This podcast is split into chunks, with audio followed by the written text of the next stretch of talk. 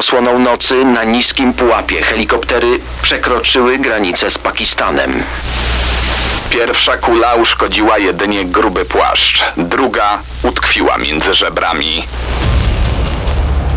Płatni zabójcy, seryjni mordercy i sceny zbrodni w RMFFM. Tutaj sceny zbrodni i wakacyjny cykl Zbrodnia i Polityka.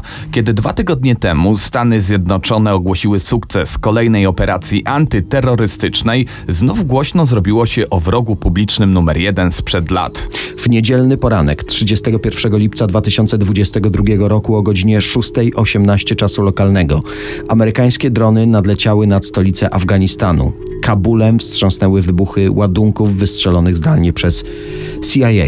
Zginął przywódca Al-Kaidy Ayman al-Zawahiri, który był następcą Osamy Bin Ladena. Wspólnie zorganizowali najgłośniejszą operację terrorystyczną XXI wieku.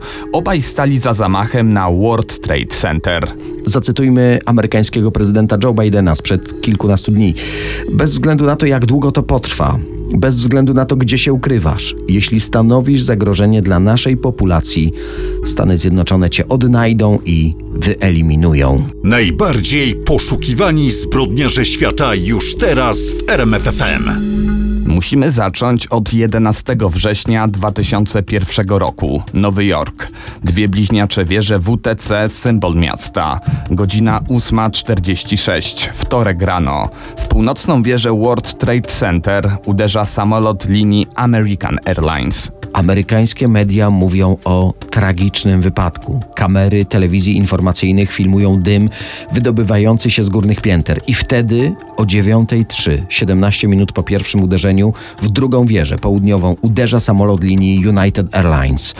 Już nikt nie ma wątpliwości, że to nie przypadek, nie wypadek, a zamachy terrorystyczne. 9.37. Trzeci samolot znów linii American Airlines rozbił się o zachodnie skrzydło Pentagonu, siedziby, w której planowano operacje wojskowe USA. Pentagon częściowo się zawalił. Wieże Światowego Centrum Handlu płoną. Kamery pokazują ludzi, którzy mając dramatyczny wybór, skaczą z okien, wybierają śmierć w wyniku upadku z wysokości niż śmierć w płomieniach. Kolejne doniesienia. Czwarty z uprowadzonych przez terrorystów samolotów rozbija się na polach w pobliżu Shanksville w Pensylwanii. Pasażerowie tego lotu United Airlines, gdy dowiedzieli się o trzech wcześniejszych wybuchach, postanowili na własną rękę pokonać terrorystów, którzy chwilę wcześniej przejęli ich samolot wiedząc, że posłużą jako bomba terrorystów. Celem samolotu był prawdopodobnie Kapitol lub Biały Dom. Zaryzykowali wszystko. Nie udało się odbić maszyny, ale ta heroiczna próba pasażerów doprowadziła do rozbicia się samolotu w bezludnym terenie, bez innych ofiar. Była 10.03. Ale to nie koniec dramatu. Godzinę i 41 minut od pierwszego uderzenia 110-piętrowe wieże World Trade Center zawalają się. Niszczą także inne niższe budynki tego kompleksu. Pod gruzami zginęło 2996 osób. Większość pracownicy wież i turyści, ale także wielu funkcjonariuszy policji i straży pożarnej, którzy próbowali nieść pomoc i ewakuować ludzi z budynków. W tej liczbie jest również 19 zamachowców samobójców. Rannych zostało ponad 25 tysięcy osób przebywających w bezpośredniej okolicy. Straty materialne oszacowano na ponad 10 miliardów dolarów. To największa zbrodnia zaplanowana przez człowieka w historii, no nie licząc oczywiście wojen. Nie wszyscy wiedzą, że był to drugi zamach na World Trade Center przeprowadzony przez Al-Kaidę. No więc cofnijmy się jeszcze bardziej do 26 lutego 1900 1993 roku. Nowy Jork, godzina 12.17 czasu lokalnego. Wieża północna. Na podziemnym parkingu eksploduje ciężarówka, w której bojownicy załadowali 700 kg azotanu mocznika. Samochód ustawiono tak, by wybuch zniszczył podpory nośne wieży. Potężny drapacz chmur miał się zapaść, zabijając wszystkich przebywających w środku pracowników i turystów. Na szczęście konstrukcja budynku tę eksplozję wytrzymała. Zginęło sześć osób. Żrący dym został e, jednak zassany przez wentylację budynku. Na wyższych piętrach nie dało się oddychać. Ewakuowano przebywających tam ludzi. Ostatecznie ponad tysiąc osób uznano za ranne. Od tego czasu regularnie ćwiczono ewakuację bliźniaczych wież WTC. Systemy bezpieczeństwa monitorowały, czy do budynku nie trafiają ładunki wybuchowe. Zainstalowano dodatkowe czujki dymu i gaśnice, ale nikt nie spodziewał się, że trzy lata później zagrożenie spadnie z nieba. I za te dwa, między innymi zamachy, Stany Zjednoczone za punkt honoru postawiły sobie ściganie Al-Kaidy, a głównym celem stał się jej przywódca Osama bin Laden, czy jak również wymawia się jego nazwisko Usama ibn Ladin. Urodził się 10 marca 57 roku w Riyadzie, czyli w Arabii Saudyjskiej. Przyszedł na świat jako 17 syn Muhammada ibn Ladina i jego czwartej żony Ali. Miał w sumie ponad 50 rodzeństwa. Mama Osamy pochodziła z Syrii. Jego tato przybył do Arabii Saudyjskiej z Jemenu za chlebem. Był prostym robotnikiem pracującym w porcie. Później znalazł pracę jako murarz, a w końcu został szefem firmy, która budowała pałace królewskie saudyjskiej monarchii. Dostawał również kontrakty na budowę najważniejszych budynków kraju. Mimo, że pozostał analfabetą, król uczynił go honorowym ministrem robót publicznych. Dorobił się ogromnego majątku. Jego firma Saudi Bin Laden Group była potentatem w branży budowlanej Bliskiego Wschodu. Został multimilionerem. Młodemu Osamie więc niczego nie mogło brakować. Gdy skończył studia na prestiżowym Uniwersytecie Króla w Dżuddzie, zaangażował się w pomoc dla Afganistanu, który najechała wtedy Armia Radziecka. Organizował i finansował nabór ochotników do walki, sam także wsławił się odwagą na polu bitwy, jego prestiż rósł. Gdy wojska Związku Radzieckiego wycofały się z Afganistanu w 1989 roku, wrócił do Arabii Saudyjskiej i założył organizację Al-Qaida Al-Askariya, co oznacza baza wojskowa. Organizacja miała walczyć w obronie wszelkich krajów muzułmańskich, gdy któreś z państw zostanie najechane przez wojska spoza świata islamu. Z czasem Al-Kaida zmieniała się w coraz bardziej radykalną organizację, a Osama przeniósł się do Sudanu. Tam zaczął szkolić islamskich bojowników. Początkowo mieli interweniować w tych konfliktach, w których islam był zagrożony. Z czasem ich wrogiem numer jeden jednak stała się Ameryka. Sprzeciwiali się jej dominacji na świecie. W 1996 roku po naciskach USA Sudan uznał Bin Ladena za persona non grata. Szef Al-Kaidy schronił się wtedy wśród talibów w Afganistanie i ogłosił dżihad, świętą wojnę przeciwko Amerykanom. Każdy muzułmanin zdolny do walki miał wziąć w tej wojnie udział i miał mordować obywateli amerykańskich. Dwa lata później dżihad został rozszerzony także o Żydów i krzyżowców, czyli chrześcijan. Warto wspomnieć, że ta idea dżihadu zabraniała mordować tych, którzy nie są żołnierzami, którzy nie walczą, a jednak Osama interpretował dżihad tak, by odpowiadał jego planom. i przygotowywał kolejne zamachy. W 1998 roku zaplanował atak na amerykańskie ambasady w Nairobi i Dar es Salaam. Przeprowadzono je w tym samym czasie. Zginęły w nich 224 osoby. USA w odwecie zbombardowały bazy Bin Ladena w Afganistanie. W roku 2000 Al-Kaida zaatakowała w Jemenie. Zamordowała 17 marynarzy amerykańskiego niszczyciela USS Cole. No i pamiętamy oczywiście o wspomnianych dwóch zamachach na World Trade Center. No właśnie, początkowo Osama Bin Laden zaprzeczał, by zorganizował zamach z 11 września 2001 roku, ale wywiad Stanów Zjednoczonych twierdził, że ma na to dowody. Zażądał, by talibowie wydali Bin Ladena. Gdy tak się nie stało, próbowali porwać Osamę ukrywającego się w jaskiniach Tora Bora. Przywódca Al-Kaidy od tego czasu zaczął się ukrywać. Stany zaczęły budować międzynarodową koalicję, która obaliła rządy talibów w Afganistanie. Bez ich wsparcia Bin Laden miał szybko wpaść w ręce Amerykanów. A jednak jego poszukiwania stały się jedną z najdłuższych i najkosztowniejszych amerykańskich operacji wywiadowczych. Sceny zbrodni w RMFFM. Zbrodnia i polityka. Po zamachu z 11 września 2001 roku Osama Bin Laden stał się wrogiem publicznym numer jeden dla Stanów Zjednoczonych. Amerykański wywiad rozpoczął intensywne tropienie i właściwie polowanie na szefa Al-Kaidy. Trzeba przyznać, że było blisko jego pojmania już w grudniu 2001 roku. Ustalono, że Osama Bin Laden ukrywa się w kompleksie jaskiń Tora Bora. To miała być jego główna baza. Tora Bora to wiele poziomów jaskiń, w których mogło się swobodnie ukrywać ponad tysiąc terrorystów. I co ciekawe, te jaskinie y, dosłownie w bunkry zmienili Amerykanie. Miały służyć Afgańczykom do walki z armią radziecką w latach 80. Baza miała niezależne zasilanie z elektrowni wodnych zbudowanych na strumieniach płynących wewnątrz jaskiń i w okolicach. Groty miały skrywać również olbrzymie ilości broni i amunicji. Jaskinie otoczono, terrorystom dano czas na poddanie się, ale termin ultimatum minął 12 grudnia o 8 rano. I od tego czasu amerykańskie wojska przy wsparciu międzynarodowych sił koalicji zdobywały jaskinie po jaskini przez kolejnych 5 dni.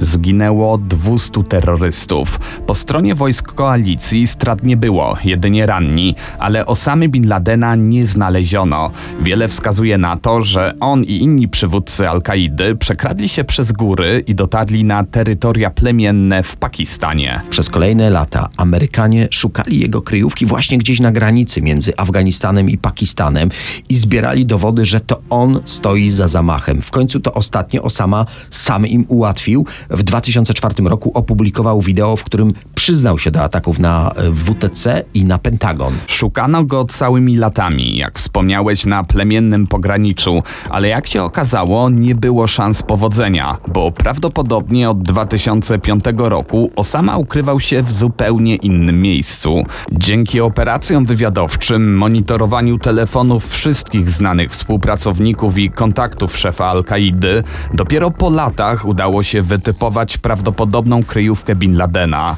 Przez ten długi czas ukrywał się w tajnym, pilnie strzeżonym budynku w Abbottabadzie. To 150-tysięczne miasto w Pakistanie, kurort turystyczny właściwie, znany z pięknej zielonej doliny porośniętej sosnami, wysokość 1260 metrów nad poziomem morza. Wywiad amerykański miesiącami prowadził obserwację wytypowanego budynku przez satelity, by potwierdzić obecność Bin Ladena. To twierdza otoczona kilkoma wysokimi murami, zmieniona w prawdziwy bunkier. Śledzono łączność, obserwowano postaci pojawiające się na podwórzach, analizowano cienie, jakie rzucały i próbowano ustalić, czy któryś z nich to mógł być przywódca Al-Kaidy.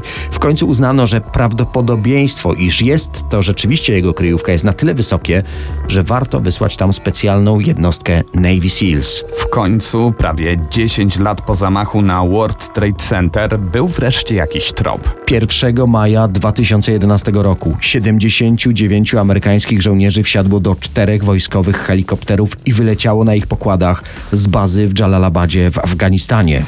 Pod osłoną nocy na niskim pułapie, by nie dać się wykryć przez radary, helikoptery bez przeszkód przekroczyły granicę z Pakistanem. Około pierwszej w nocy czasu lokalnego dotarły do Abbottabadu.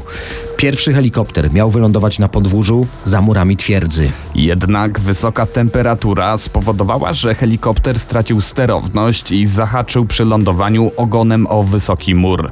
Maszyna rozbiła się, jednak żaden z żołnierzy nie został ranny. Druga maszyna miała wysadzić komandosów na dachu budynku, jednak przez kraksę pierwszego helikoptera pilot zdecydował o lądowaniu w jego pobliżu, również na ziemi. Zaalarmowany hałasem śmigłowców ochroniarz Bin Ladena otworzył ogień z domu gościnnego.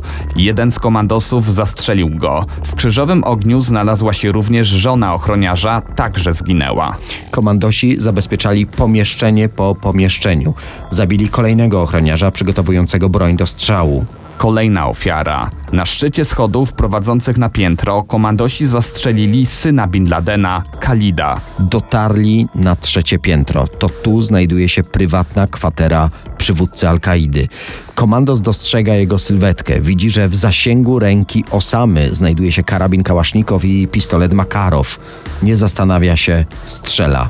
Kula trafia Bin Ladena w lewe oko oraz klatkę piersiową. Ginie na miejscu.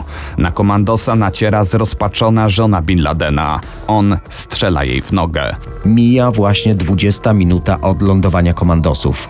Pozostają na miejscu jeszcze przez kolejnych 18 minut, w pośpiechu sprawdzając pomieszczenia i zabierając dokumenty, jakie mogą pomóc w walce z terroryzmem. Zabezpieczają również około 100 pendrive'ów, 10 dysków komputerowych, 5 komputerów i płyty DVD Z danymi. W tym czasie także robią zdjęcia twarzy Bin Ladena i wysyłają je do przełożonych w Stanach. Chcą mieć potwierdzenie, że zabity mężczyzna to naprawdę przywódca Al-Kaidy. Wracają do śmigłowców. Zabierają ze sobą ciało Bin Ladena. Helikoptery docierają do bazy w Afganistanie, a stamtąd na lotniskowiec Carl Winston pływający po Morzu Północnoarabskim. Musimy dodać, że po amerykańskim odlocie do kompleksu dociera także wojsko pakistańskie.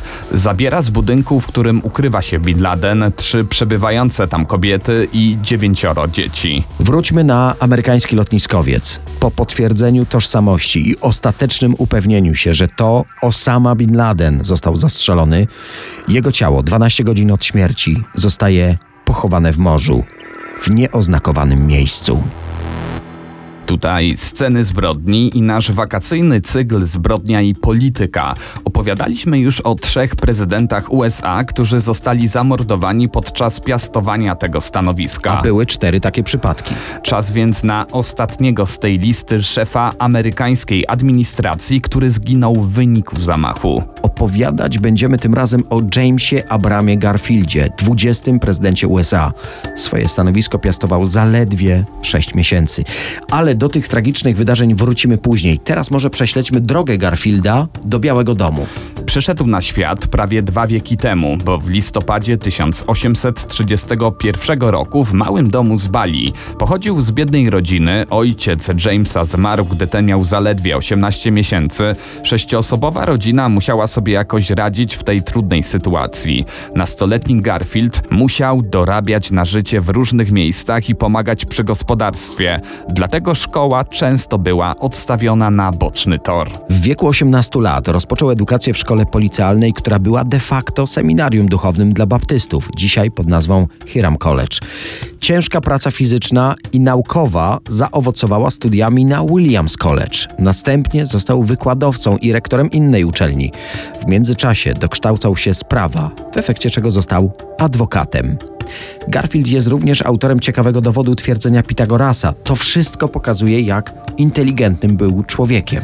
Kaznodzieja miał wielki talent krasomówczy. Dyskutował nie tylko podczas nabożeństw, ale również z innymi naukowcami. Zwłaszcza jedna debata ze zwolennikiem teorii ewolucji przysporzyła mężczyźnie wielu zwolenników. Trwała ona, uwaga, pięć dni. Entuzjazm słuchaczy spowodował, że James Garfield postanowił spróbować swoich sił w polityce, a finalnie trafił do Białego Domu. Ale zanim to nastąpiło, został najmłodszym senatorem stanu Ohio. Wybuchła wojna secesyjna, w której dosłużył stopnia generała majora. Wybrany do Izby Reprezentantów, w której spędził 17 lat. Później spełnił swoje marzenie, zwyciężył w wyborach do Senatu. Ale tutaj, w przeciwieństwie do y, takiej amerykańskiej klasyki, w ławie senatorskiej nie zdążył nigdy zasiąść. A to dlatego, że uzyskał nominację partii republikańskiej na start w wyborach prezydenckich. Jego przeciwnikiem z ramienia demokratów był Winfield Hancock. Po wyrównanej kampanii zwyciężył 48-letni James Abram Garfield, zaprzysiężony na 20 prezydenta USA 4 marca 1881 roku. Musicie przyznać, że to bardzo inspirująca historia w stylu od zera do bohatera. Chłopak z nizin społecznych został głową państwa światowego mocarstwa. Prezydentura Garfielda przypada na czasy gwałtownej industrializacji Stanów Zjednoczonych, wyzysku robotników, a jednocześnie ich walki o swoje prawa. Pieniądze, a co za tym idzie korupcja, odgrywały wielką rolę w polityce. Na fali takich nastrojów wypłynął właśnie uczciwy prezydent kaznodzieja. Wypadałoby powiedzieć o wielkich zrealizowanych obietnicach i projektach Jamesa Garfielda jako prezydenta, ale jego kadencja trwała zaledwie dokładnie 199 dni. Życie tego obiecującego prezydenta przerwał zamachowiec na waszyngtońskim dworcu kolejowym. Zabójca chciał tym samym wyrównać osobiste rachunki. Przenosimy się do roku 1881, lipiec, czas poprzedzający jedno z największych świąt narodowych w Ameryce, ustanowione na pamiątkę ogłoszonej w 1776 roku Deklaracji Niepodległości. Prezydent chciał wykorzystać ten świąteczny czas na podróż do Nowej Anglii, planował pokazać swoim dzieciom uniwersytet, który ukończył. Miał tam również wygłosić oficjalne przemówienie. Jest 2 lipca 1881 roku. Głowa państwa razem z dwoma synami i osobistym sekretarzem zameldowali się na dworcu kolejowym w Waszyngtonie, gdzie czekali na pociąg. Towarzyszył im spory tłum gapiów, ponieważ szczegóły wyjazdu prezydenta były opisywane w lokalnych gazetach. Około 9.30 do Jamesa Garfielda podszedł od tyłu mężczyzna. Wykrzyczał: Należę do frakcji Stalwarts. Teraz prezydentem Stanów Zjednoczonych jest Arthur. Następnie oddał dwa strzały z bliskiej odległości. Pierwsza kula uszkodziła jedynie gruby płaszcz Garfielda. Niestety druga już utkwiła w jego plecach między żebrami. Świadkiem tych wydarzeń był Robert Lincoln, współpracownik Garfielda i syn Abrahama Lincolna, jednego z najwybitniejszych prezydentów USA, który również zginął z ręki zamachowca. Opowiadaliśmy o tym w pierwszym odcinku cyklu Zbrodnia i Polityka. Rokowania lekarzy nie były optymistyczne. Nie można było zlokalizować kuli, która trafiła prezydenta. Medycy sądzili, że poszkodowany nie przeżyje nocy, a jednak organizm przetrwał tę trudną próbę i rozpoczęła się walka o wyciągnięcie feralnego pocisku. Przed Białym Domem zebrały się tłumy oczekujące wieści na temat stanu zdrowia głowy państwa. Niestety lekarze szukający pocisku posługiwali się brudnymi przyrządami, no i rękoma. Tutaj należy dodać, że ówczesna wiedza na temat antyseptyki nie była jeszcze tak powszechna i ugruntowana. To doprowadziło do powstania infekcji. Nie istniał również wtedy aparat wykorzystujący promieniowanie rentgenowskie, ale słynny wynalazca Alexander Graham Bell skonstruował prototyp wykrywacza metalu, aby tym samym zlokalizować metalowy pocisk. Niestety i ta próba okazała się nieskuteczna. Jak później się okazało, urządzenie Bella działało poprawnie, ale lekarze czuwający nad zdrowiem prezydenta pozwalali używać detektora tylko w wytypowanych miejscach, a pocisk utkwił zupełnie gdzie indziej. Skoro wspomniałeś o tym wynalazku, gdy James Garfield był przykuty do łóżka, panowały ogromne upały, co zdecydowanie nie pomagało choremu. Dlatego inżynierowie marynarki wojennej skonstruowali specjalną maszynę na wzór dzisiejszych klimatyzatorów, czyli taką dmuchawę, której powietrze ochładzano lodem. Urządzenie okazało się skuteczne, wytwarzało jednak spory hałas i powodowało zwiększenie wilgotności w pokoju. Niestety infekcja w organizmie rozwijała się. Gorączka, sepsa, halucynacje i inne następstwa zamachu doprowadziły do śmierci Jamesa Garfielda. 20 prezydent USA zmarł o 22.35 w poniedziałek 19 września 1881 roku, 79 dni po zamachu. Współcześnie uważa się, że gdyby lekarze posługiwali się czystymi narzędziami, pacjent przeżyłby. E, Mało tego, medycy w czasie poszukiwania pocisku uszkodzili m.in. wątrobę prezydenta. Ale zostawmy już e, temat kompetencji ówczesnych medyków.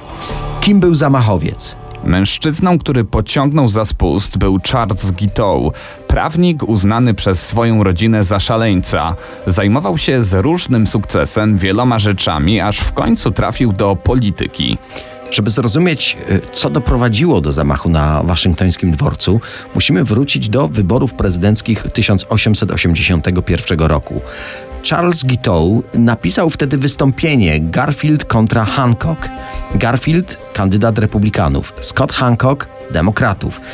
Praca niezbyt wysokich lotów, ale Guiteau był przekonany, że właśnie w ten sposób przyczynił się do nieznacznej, ale jednak wygranej Jamesa Garfielda. I oczekiwał, że nowa administracja mu się jakoś odwdzięczy. Faktem jest to, że zasługi były tylko i wyłącznie urojone. Przemówienie nigdy nie zostało wygłoszone i nie miało kompletnie żadnego wpływu na wynik elekcji. Tu trzeba zaznaczyć, że pierwotny tytuł tego dzieła brzmiał Grant kontra Hancock. To były prezydent Grant miał być kandydatem republikanów w wyborach, ale ku zaskoczeniu wszystkich wybrano Jamesa Garfielda.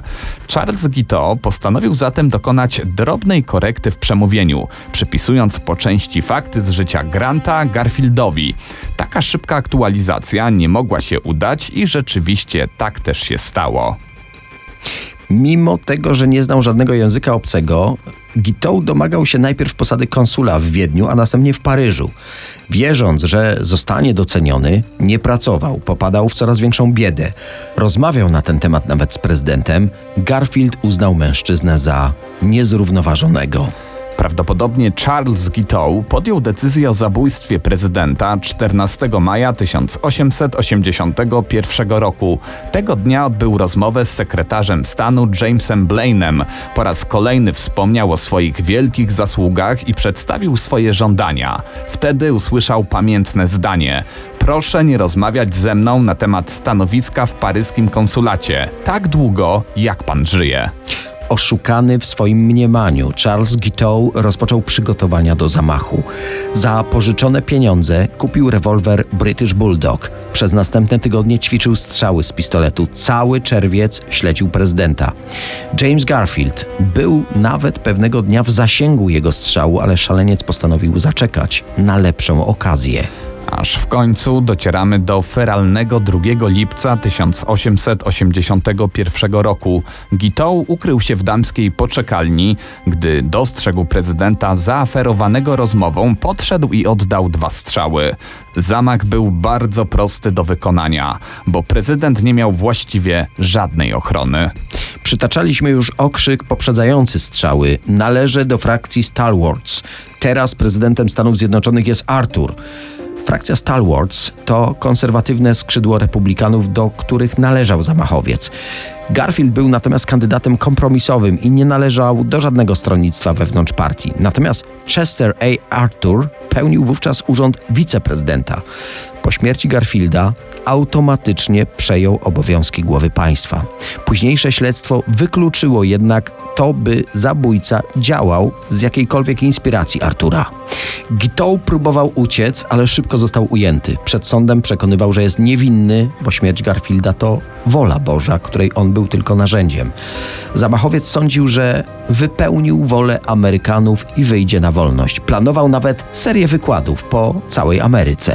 Finalnie Charles Guiteau został skazany na karę śmierci przez powieszenie. Wyrok wykonano 30 czerwca 1882 roku, dokładnie cztery dni przed pierwszą rocznicą zamachu na Jamesa Garfielda.